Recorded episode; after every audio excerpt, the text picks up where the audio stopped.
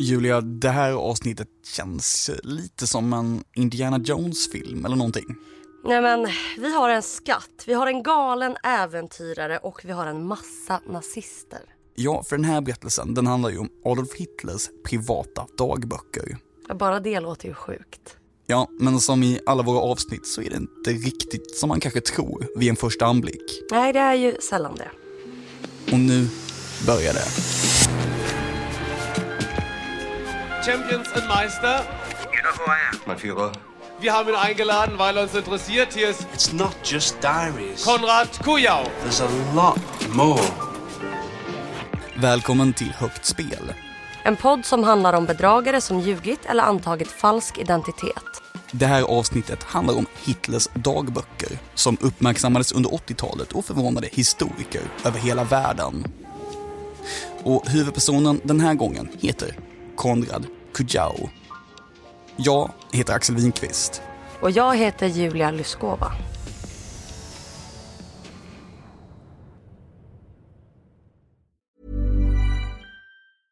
Planning for your next trip? Elevate your travel style with Quince. Quince has all the jet setting essentials you'll want for your next getaway, like European linen, premium luggage options, buttery soft Italian leather bags, and so much more. And is all priced at 50 to 80% less than similar brands. Plus, Quince only works with factories that use safe and ethical manufacturing practices. Pack your bags with high-quality essentials you'll be wearing for vacations to come with Quince. Go to quince.com/pack for free shipping and 365-day returns. Millions of people have lost weight with personalized plans from Noom, like Evan, who can't stand salads and still lost 50 pounds. Salads, generally, for most people, are the easy button, right? For me, that wasn't an option. I never really was a salad guy. That's just not who I am. But Noom worked for me. Get your personalized plan today at Noom.com. Real Noom user compensated to provide their story. In four weeks, the typical Noom user can expect to lose one to two pounds per week. Individual results may vary.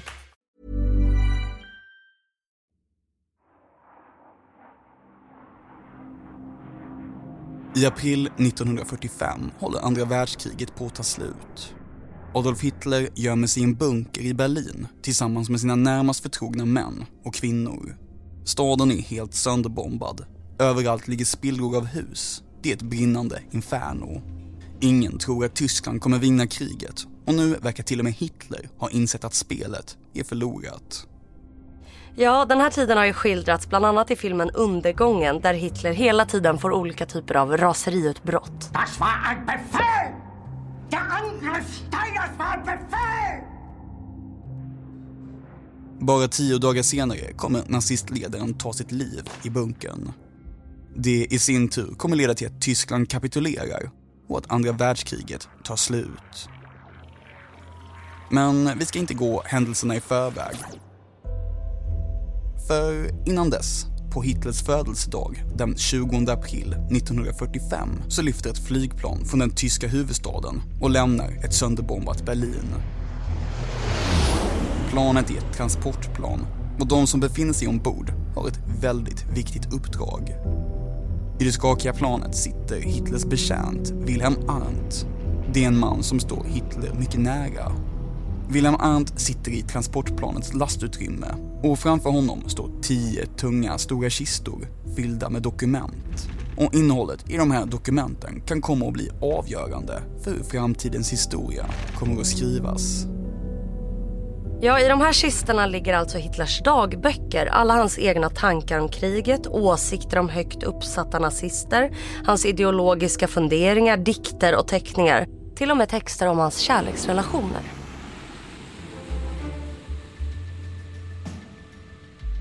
Ja, så när planet flyger där högt över det tyska landskapet så är det med en oerhört viktig last. Men så händer det som absolut inte får hända. Planet börjar wobbla och tappa höjd. Någonstans vid gränsen mot Tjeckien, över Heidenholzskogen, tappar piloten kontrollen över planet. Exakt vad som händer sen är lite oklart men det vi vet är att planet helt ändrar riktning och dyker nu rakt ner mot marken. Och sen följer en krasch.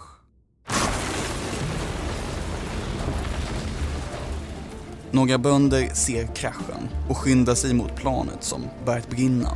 Ett vittne kommer senare berätta hur någon av byborna ser en man in i planet. Han har förlorat sina ben i kraschen och skriker på hjälp. Men ingen hinner göra någonting innan planet exploderar och mannen försvinner i lågorna. Det här är ju en fruktansvärd scen. Men en av byborna som bevittnar det här ser också något i elden. Kistorna. Hur de lyckas få ut dokumenten ur det brinnande planet det är ett mysterium, men det går. Kistorna med det viktiga innehållet kommer vara försvunna i flera år. Det är först många år senare som en östtysk general kommer över innehållet av en slump. Han ger det i sin tur till sin bror Konrad Kujau som är den här berättelsens huvudperson. Konrad är en misslyckad konstnär som samlar på gamla prylar från nazister. Han är en kortskallig man som gillar att festa och som haft problem med att hålla sig på rätt sida om lagen. Men när han på 70-talet får tag i Hitlers dagböcker kommer hans värld att förändras för alltid. I sina händer håller han nu papper och böcker som innehåller tankar och ord från en av världshistoriens mest mytomspunna och farliga figurer. Han kan med andra ord höra historiens vingslag dundra som jetmotorer. Konrad inser att Hitlers dagböcker kommer göra honom till en världskändis. Konrad är mannen, myten och legenden. Ja, och vi ska nu backa bandet för att introducera Konrad Kujau lite mer noggrant. Konrad föds 1938 i den tyska lilla staden Löbau. Det är en stad i östra Tyskland som för tankarna till medeltiden. Här finns stenhus, kyrkor och bortom stadsgränsen stora gröna kullar som breder ut sig i alla väderstreck. Konrad är son till en skomakare och han är det tredje av familjens fem barn. Till en början utmärker han sig för att han är så duktig i skolan. Ja, Konrad har ett riktigt läshuvud och han får höga betyg. Tyskland och 30-tal brukas ju kopplas samman med en grej. Och det är så att Konrads pappa är med i nazistpartiet. Han har gått med redan 1933 och det här verkar smitta av sig på Konrad. Redan som liten pojke är Konrad fascinerad av Tysklands Führer, Adolf Hitler. Till hans försvar så kanske man ska säga att Hitlers propaganda är väldigt effektiv under den här perioden. Och att Konrad bara är ett litet barn. Hitler utmålas som det tyska folkets hjälte. Han beskrivs som en övermänsklig figur med sin disciplin och hårda arbetsmoral. Och hans tal får hela nationen att stanna upp.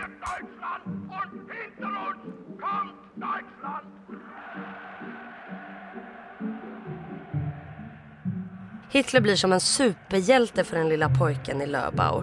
Konrad föreställer sig Hitler som en gud, att han är över tre meter lång och stark som en oxe. Men även efter andra världskrigets slut sitter den här fascinationen kvar hos Konrad. 14 år gammal ska han till och med ha målat ett jättestort hakkors hemma i sin farmors kök. Om det här var någonting som farmor bad om eller som Konrad gjorde på eget bevåg framgår inte av historien. Under Konrads uppväxt så förvandlas hans hemland Tyskland från en nazistisk stat till DDR, alltså det kommunistiska Östtyskland. Konrad bor i Löbau som ligger i öst och det kommer ingå i DDR. Så Konrad kommer också påverkas av den kommunistiska diktaturen med alla regler, rädslan för att bli angiven till säkerhetspolisen och propagandan. Men Konrads stora intresse verkar vara konst.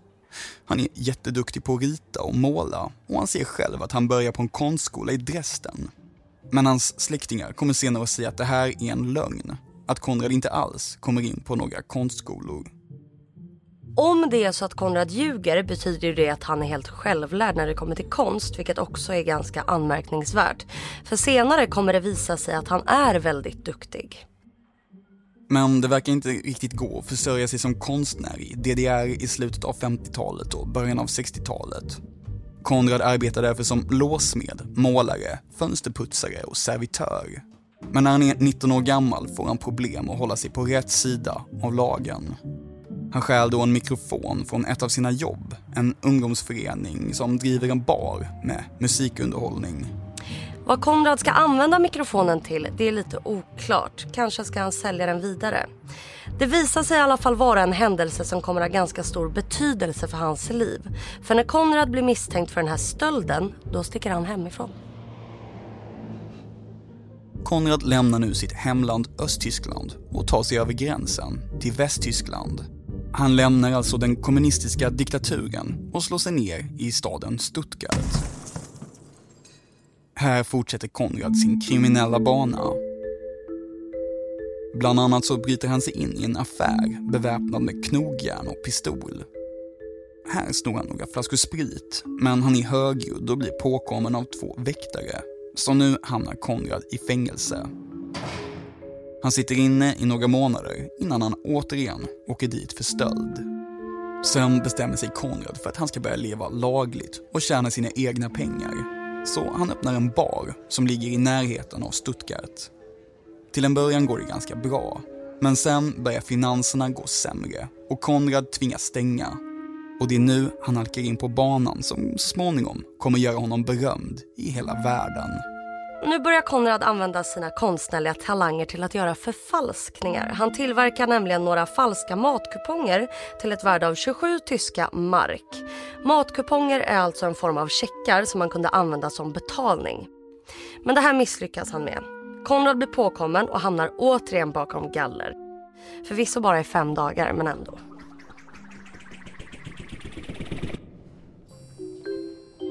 Det har nu blivit 70-tal och Konrad har träffat kärleken. Det är en bartender vid namn Edith Liblang. Men den här duon kommer bli mer än bara ett par. Under 70-talet startade de en städfirma tillsammans med sloganen “Lika rent som en hemmafru”. Men deras affärer går inte särskilt bra.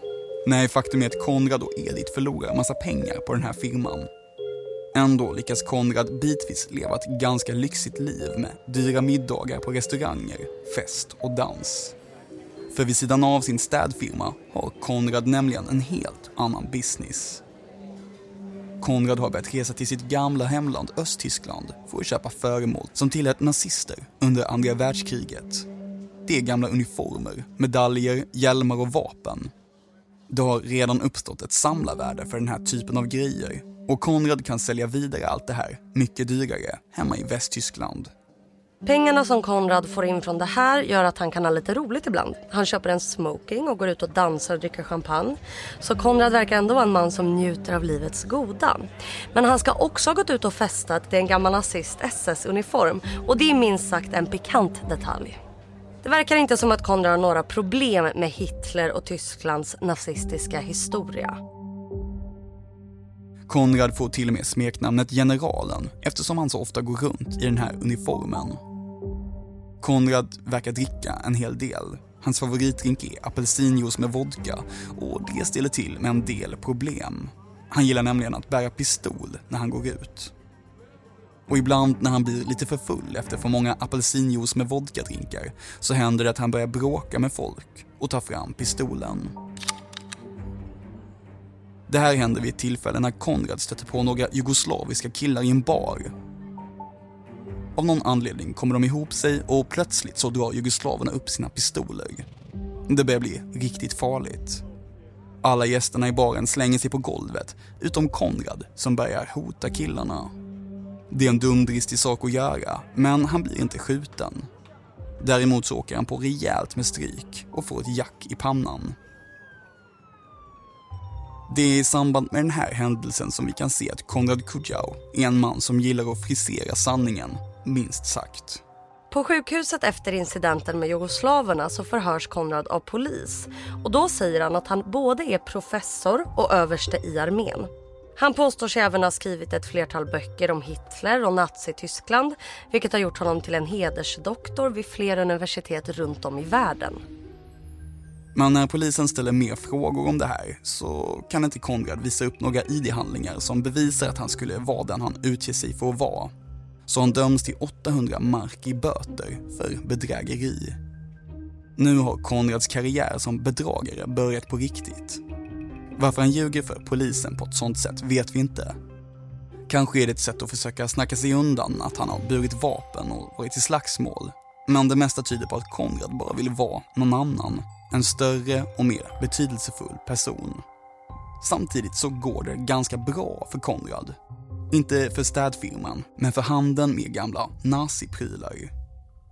Det är en stor business efter andra världskriget som tuffar på. För många verkar tråna efter de gamla uniformerna och vapnen som Konrad säljer. Ja, det är otroligt stört vad som kan väcka habegär. Tillsammans med sin hustru Edith så reser Konrad till öst och köper på sig gamla grejer från 30 och 40-talet. Och Konrad har inget emot att göra sina fynd till större skatter än vad de egentligen är. Bland annat så lyckas han sälja en hjälm som han säger att Hitler har haft på sig under första världskriget.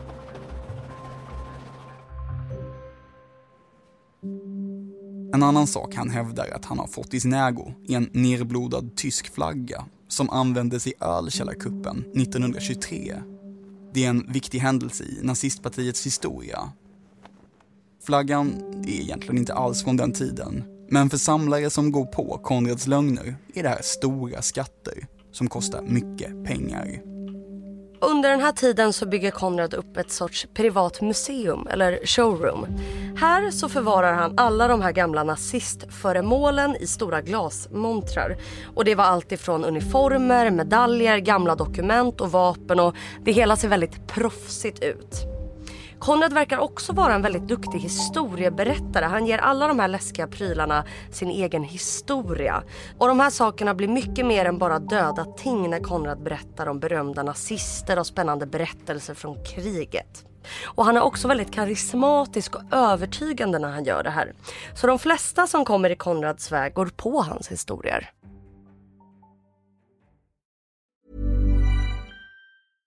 How would you like to look five years younger? In a clinical study, people that had volume added with Juvederm Voluma XC in the cheeks perceived themselves as looking five years younger at six months after treatment. Look younger, feel like you. Add volume for lift and contour in the cheeks with Juvederm Voluma XC. Reverse signs of aging by adding volume to smooth laugh lines with Juvederm Volure XC.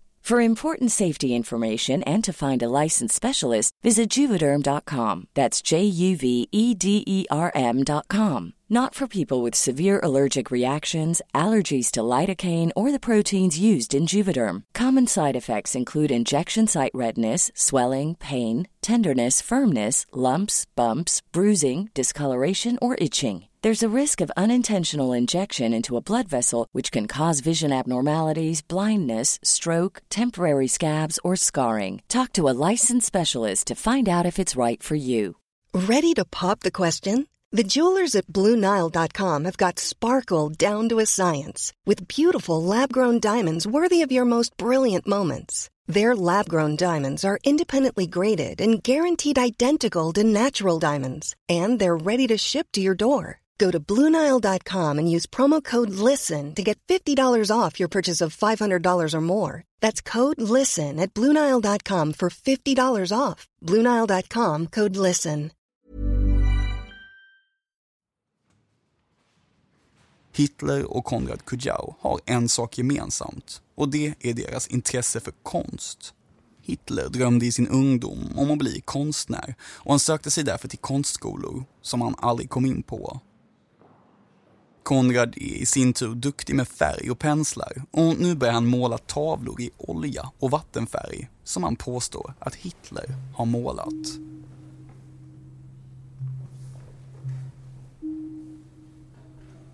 Konrad blir bättre och bättre på att producera den här typen av förfalskningar. Så duktig att han nu blir ett namn i nynazistiska kretsar. För i Tyskland finns det en hel del människor som längtar tillbaka till tredje rikets glansdagar och de betalar gärna mycket pengar för en målning av sin forna ledare. I de nazistiska kretsarna återfinns ganska många män som varit högt uppsatta eller aktiva inom nazistpartiet.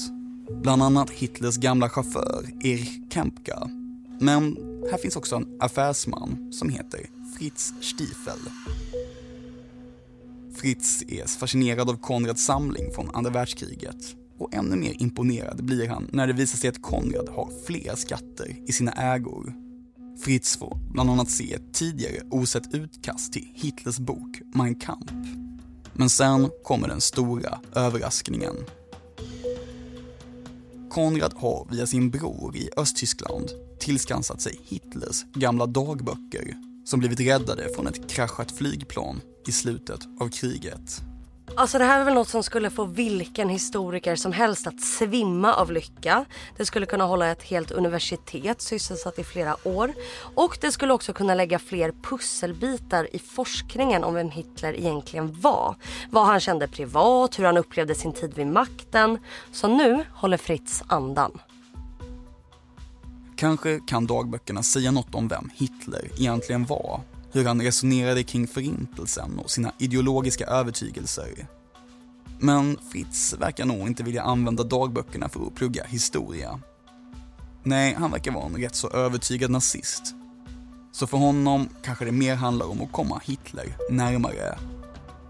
Ja, Fritz får kanske en kick av allt som påminner honom om när Tyskland var en nazistat. Men Fritz tvivlar ändå på om dagböckerna kan vara äkta.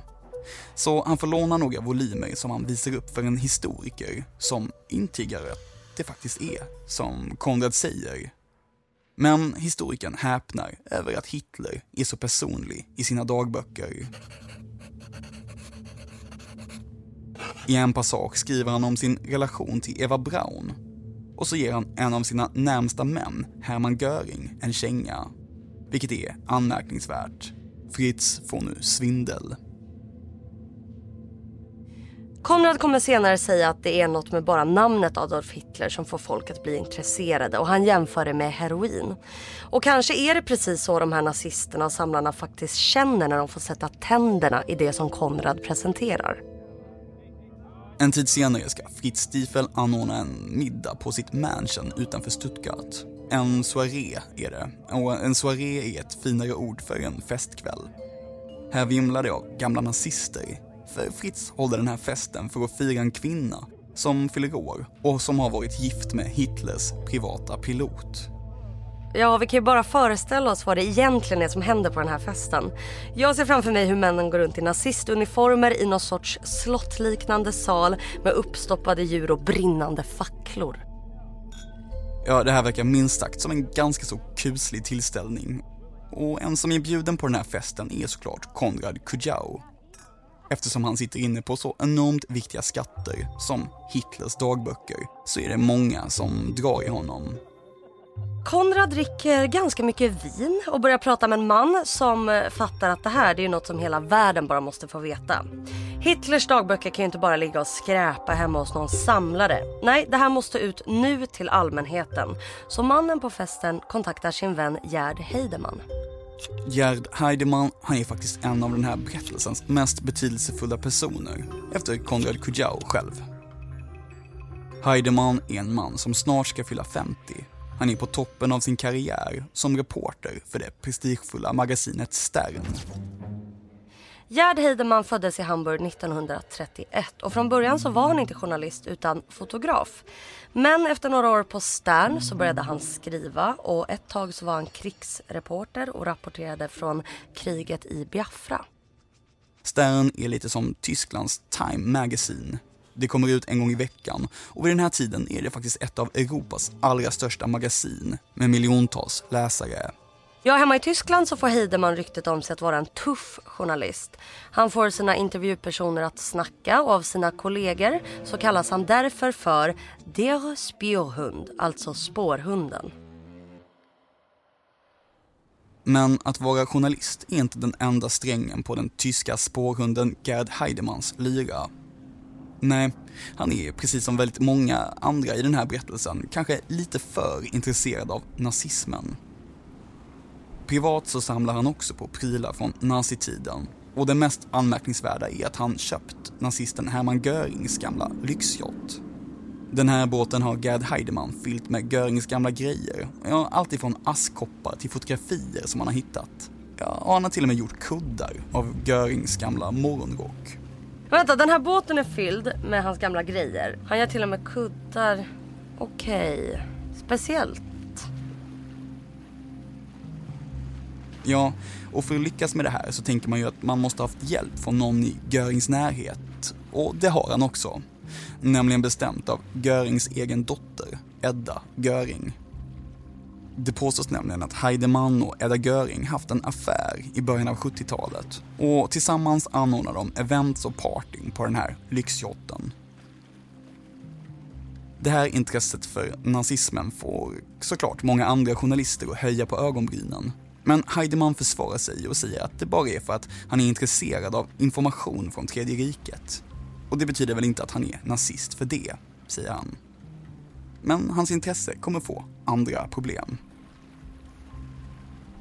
Ja, det är ganska dyrt att äga en lyxjatt så Gerd Heidemann har dragit på sig ganska stora skulder.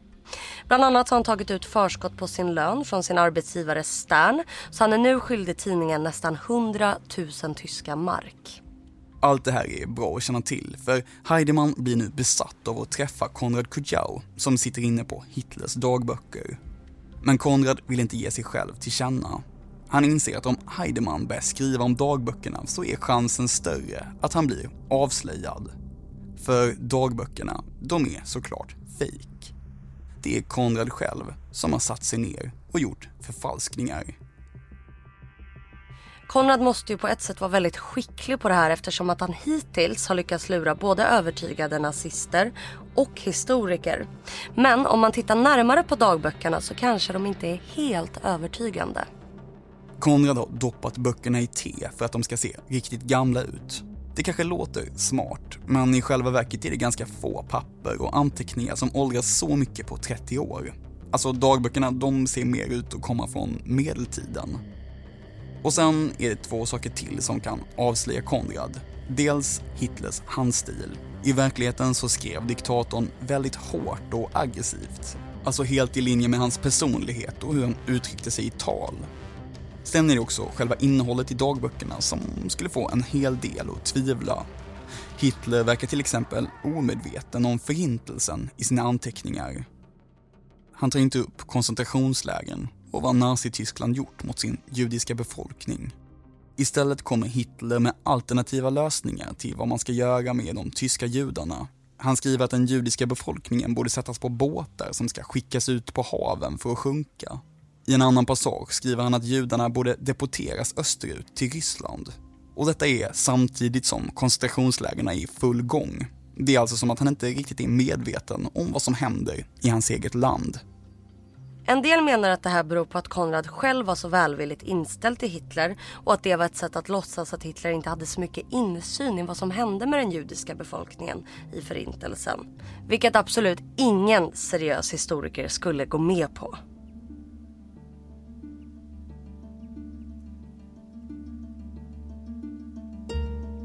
Ja, om man vet allt detta så kanske man inser att det inte skulle vara så smart av Konrad att låta hela världen ta del av hans påhitt. Men journalisten Gerd Heidemann är övertygande och han har fler S i sin rockarm. Framförallt pengar. I januari 1981 sitter Konrad hemma i sin lägenhet i Hamburg och kollar på TV. Hans fru Edith håller på att laga mat. Då ringer det på telefonen. Konrad svarar och på andra sidan linjen presenterar sig en uppspelt mansröst. Det är Gerd Heidemann som säger att han vet att Konrad sitter inne på Hitlers dagböcker. Han är villig att betala två miljoner tyska mark för att köpa dem. Pengarna kommer komma från tidningen Stern som Heidemann arbetar på och som journalisten nu fått med sig på tåget. Konrad är tveksam, men Heidemann ger sig inte. Han hotar till och med med att se till att stänga ner Konrads business om han inte gör som han säger. Sen säger Heidemann att han står i en telefonkiosk bara några meter från Konrads hem. Konrad går då motvilligt med på att bjuda hem Heidemann hem till sig. Konrad säger att han absolut inte vill sälja de här dagböckerna till någon tidning för han tror ju att han ska bli avslöjad. Men då tar Heidemann upp en resväska full av sedlar. Men det är inte det enda han lockar med. Nej, Heidemann tar fram en till väska som innehåller Hermann Görings gamla uniform. Om Konrad får den och pengarna då kanske han är redo att göra en affär. Konrad tar inte ett beslut om dagböckerna direkt. Istället tar han fram en oljemålning som han säger att Hitler har målat och så byter han den mot uniformen. Men några dagar senare verkar han ha ändrat sig. För då överlämnar han en av Hitlers dagböcker till Heidemann som smakprov. Det är alltså en sprillans ny förfalskning. Bläcket har knappt torkat, men Heidemann tar med den till Sterns redaktion. Och nu händer det osannolika. De andra journalisterna och redaktörerna tror också att dagboken är äkta. I boken The Hitler Diaries, Fakes That Fool the World beskrivs det hur högt uppsatta män från tidningen ryser av välbehag när de rör vid dagbokens pärmar. De dunkar varandra i ryggen och firar, för det här kommer bli århundradets skop. De vill köpa alla dagböcker som Konrad Kujau har. Och nu får vår huvudperson väldigt bråttom. Det är inte bara handstilen som måste förfalskas. Nej, innehållet i dagböckerna måste ju vara historiskt korrekt. Så Konrad läser därför en mängd med böcker om Hitler. Han tar hjälp av sina nazivänliga vänner och frågar om furens liv. Han samlar på sig massa historisk kunskap och arbetar från tidig morgon till sen natt för att hinna klart i tid. Ja, dels är det pengarna som driver honom, men också något annat. Konrad Kujau är ju fascinerad av Hitler och nu får han liksom tillfälle att vara någon sorts språkrör till sin idol. Det måste kännas lite som att Konrad leker gud här. Att han kan lägga sina egna ord i pennan på en av världshistoriens mest omtalade och fruktade figurer. Nu brinner det i knutarna. För det här är det som Konrad lovat att leverera till Heidemann och Stern flera volymer av Hitlers dagböcker, en memoarbok, en anteckningsbok om Hitlers relation till kvinnor, hemliga krigsdokument, två böcker om tyska kejsare, en opera skriven av fyren själv och sen en massa andra anteckningar från kriget och Hitlers syn på världen. Samtidigt som Konrad sliter med att få ihop allt det här så har Sterns redaktion satt igång Operation Gröna valvet. Det innebär att de har anlitat en journalist och en historisk expert som tillsammans med två sekreterare ska faktakolla så att dagböckerna verkligen är äkta. Ja, det känns ju lite som att Konrads bluff inte kommer gå i lås här. Och som om det inte vore nog så grälar han hela tiden med Heidemann. De bråkar om pengar och den där uniformen som tillhört Göring, den vill Heidemann plötsligt ha tillbaka. Men arbetet går framåt och fler och fler dagböcker levereras till tidningen. Ja, det går faktiskt så fort att Konrad råkar göra en del misstag. Bland annat så anger han fel datum för när Hitlers första livgarde bildas. När tidningens faktakollare från Operation Gröna valvet upptäcker det så säger Heidemann att Hitler måste ha skrivit fel, vilket egentligen är osannolikt för Hitler ska ha haft ett väldigt bra minne. Och det inträffar en annan händelse som kanske borde ha fått Stern att reagera en av de första dagböckerna som Konrad har förfalskat är på villovägar. Han har lånat ut dem till Fritz Stiefel, alltså mannen som hade den där festen på sitt mansion för gamla nazister. Och nu har Konrad svårt att få tillbaka dagboken från Fritz. Men Heidemann ligger på, så Kujau gör det han är bäst på och tillverkar helt enkelt en ny. Sen får han tillbaka dagboken av Fritz och båda kopiorna hamnar nu hos Stern. Att Hitler skulle ha skrivit två olika dagböcker från samma period, det är inte särskilt troligt. Så nu borde ju allt falla. Men det gör det inte. Istället kommer Heidemann med en ny förklaring.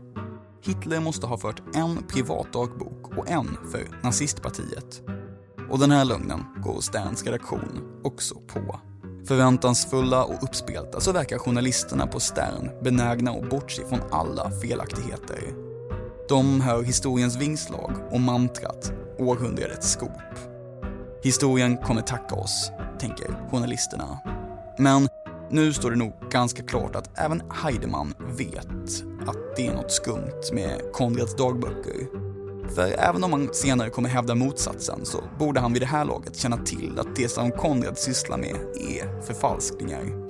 Ja, det finns flera indikationer på att dagböckerna inte är äkta och det är inte bara den mjuka handstilen och faktafelen utan det är även språket som är mycket mer modernt än hur de flesta tyskar uttryckte sig på 30-talet.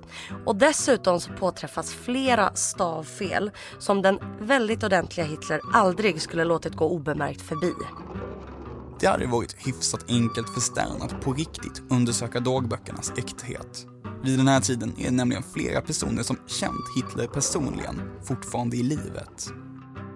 Några av hans gamla sekreterare som spenderat mycket tid med att renskriva Hitlers tal och anföranden bor runt om i Tyskland. De här kvinnorna är gamla men fortfarande så pass pigga och krya att de skulle kunna läsa igenom texterna och se om språket och stilen påminner om hur deras berömda chef brukade uttrycka sig. Men Stern väljer alltså helt att förlita sig på sina egna experter. Kanske är de förblindade av det storslagna i att få publicera en så gigantisk nyhet. Men det är inte bara ära och berömmelse som står till grund för den här storyn. Nej, nu handlar det också om stora summor pengar. Stan ligger ute med väldigt mycket pengar för faktum är att Heidemann säljer dem ännu dyrare till tidningen än vad han betalar till Konrad.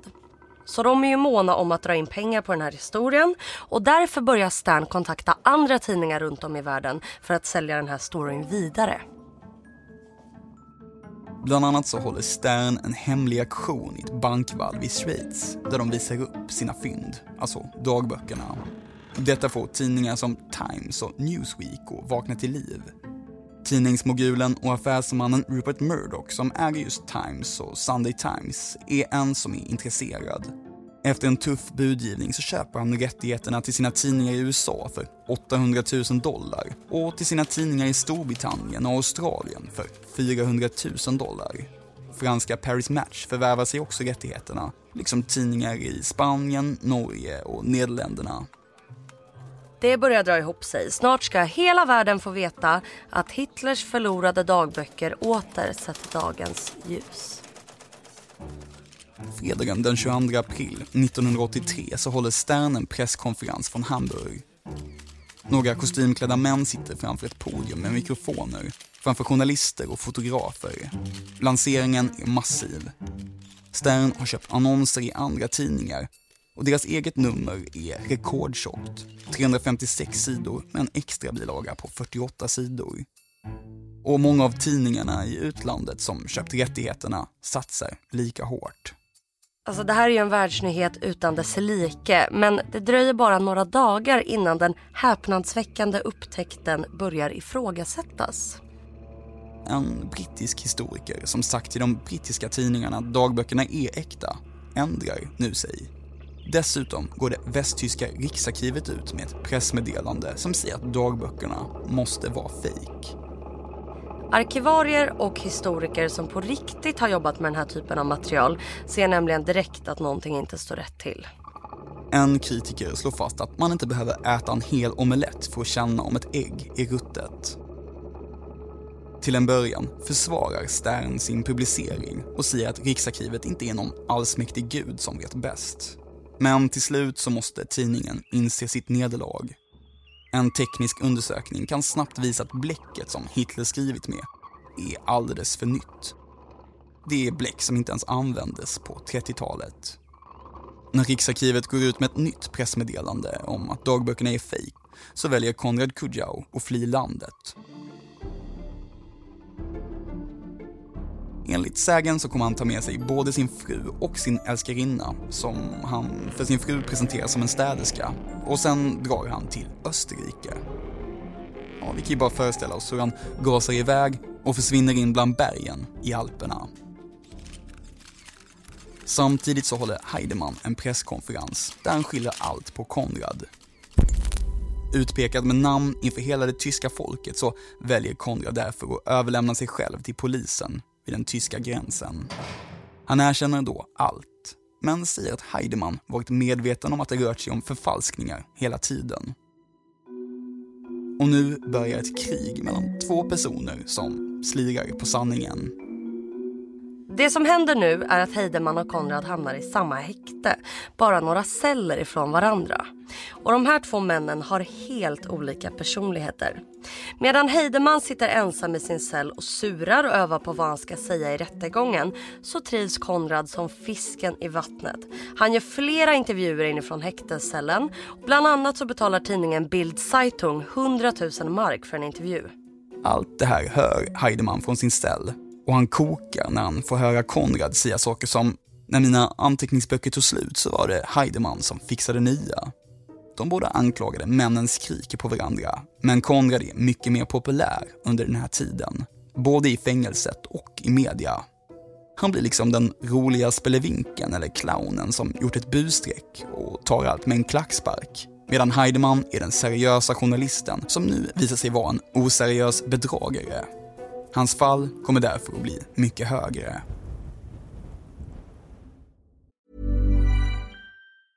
Hey, it's Paige DeSorbo from Giggly Squad. High quality fashion without the price tag. Say hello to Quince.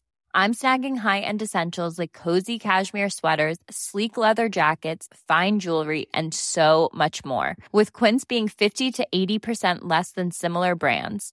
And they partner with factories that prioritize safe, ethical, and responsible manufacturing. I love that. Luxury quality within reach. Go to quince.com slash style to get free shipping and 365 day returns on your next order. Quince.com slash style. Planning for your next trip? Elevate your travel style with Quince. Quince has all the jet setting essentials you'll want for your next getaway, like European linen, premium luggage options, buttery soft Italian leather bags, and so much more. And is all priced at 50 to 80% less than similar brands. Plus, Quince only works with factories that use safe and ethical manufacturing practices. Pack your bags with high-quality essentials you'll be wearing for vacations to come with Quince. Go to quince.com/pack for free shipping and 365-day returns. I augusti 1984 börjar rättegången. 100 journalister, 150 fotografer och kameramän trängs i rättssalen. Alla vill höra vad som ska hända. Även här vinner Konrad folkets sympati. I rätten är han fräck och skämtar och det går liksom hem. Och i pressen så blir han kallad för Conny. Och stämningen är typ att journalisterna säger saker som Hej Conny, när började du förfalska grejer? Och han svarar Jag förfalskade mitt första rekommendationsbrev och så skrattar alla. Heidemann har motsatt effekt på publiken. När han pratar är han långdragen och ganska tråkig. Han går in på detaljer för att försvara sig själv, vilket leder till att en jurymedlem somnar. Rättegången pågår i flera månader. Under hela processen så skyller Kujau och Heidemann på varandra. En stor del av skuldfrågan handlar om ifall Heidemann egentligen visste om att dagböckerna var fejk och det mesta pekar ju på det. När straffen ska tillkännages så håller domaren ett långt anförande där han berättar om fallet och redogör hur hela rättsprocessen går till. Och då utbrister Konrad. Kom igen grabbar, jag vill bara höra mitt straff nu. Varpå straffet tillkännages. Konrad Kujau döms till fyra år och sex månaders fängelse. Gerd Heidemann döms i sin tur till fyra år och åtta månader i fängelse.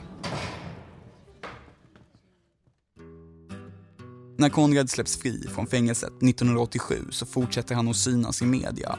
Han startar till och med ett galleri i Stuttgart med namnet Gallery of Fakes, där han visar upp förfalskade målningar av konstnärer som Dalí och Miró. Men den här gången har han satt sin egen signatur på verken. Under flera års tid dyker hans förfalskade Hitlermålningar och dagböcker på olika marknader runt om i världen. Och nu är förfalskningarna kända verk i sig. Kanske är det ändå tidningen Stern som får ta den största smällen. Det tar år för tidningen att bygga upp sitt rykte igen. Tidningen får en rejäl törn och upplagan sjunker rejält under hela 90-talet. Så kanske är det här en viktig påminnelse om att även journalister kan bli fartblinda.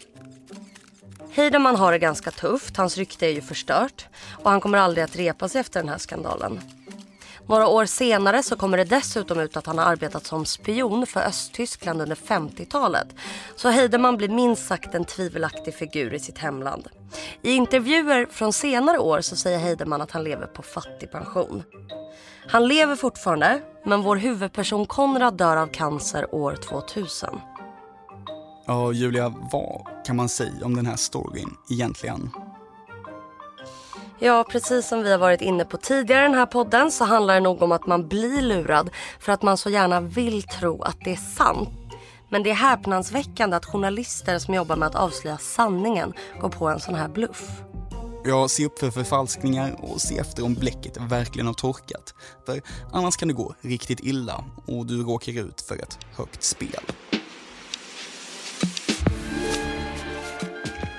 Högt spel är också namnet på vår podd med mig, Axel Winqvist. Och med mig Julia Lyskova. Under arbetet med det här avsnittet har vi använt oss av flera olika källor, men vi vill framförallt credda boken The Hitler Diaries, Fakes That Fool the World, som är skriven av Charles Hamilton. Producent är Matilda von Essen och tekniker och ljuddesigner Moa Hamner. Podden görs av produktionsbolaget Studio Olga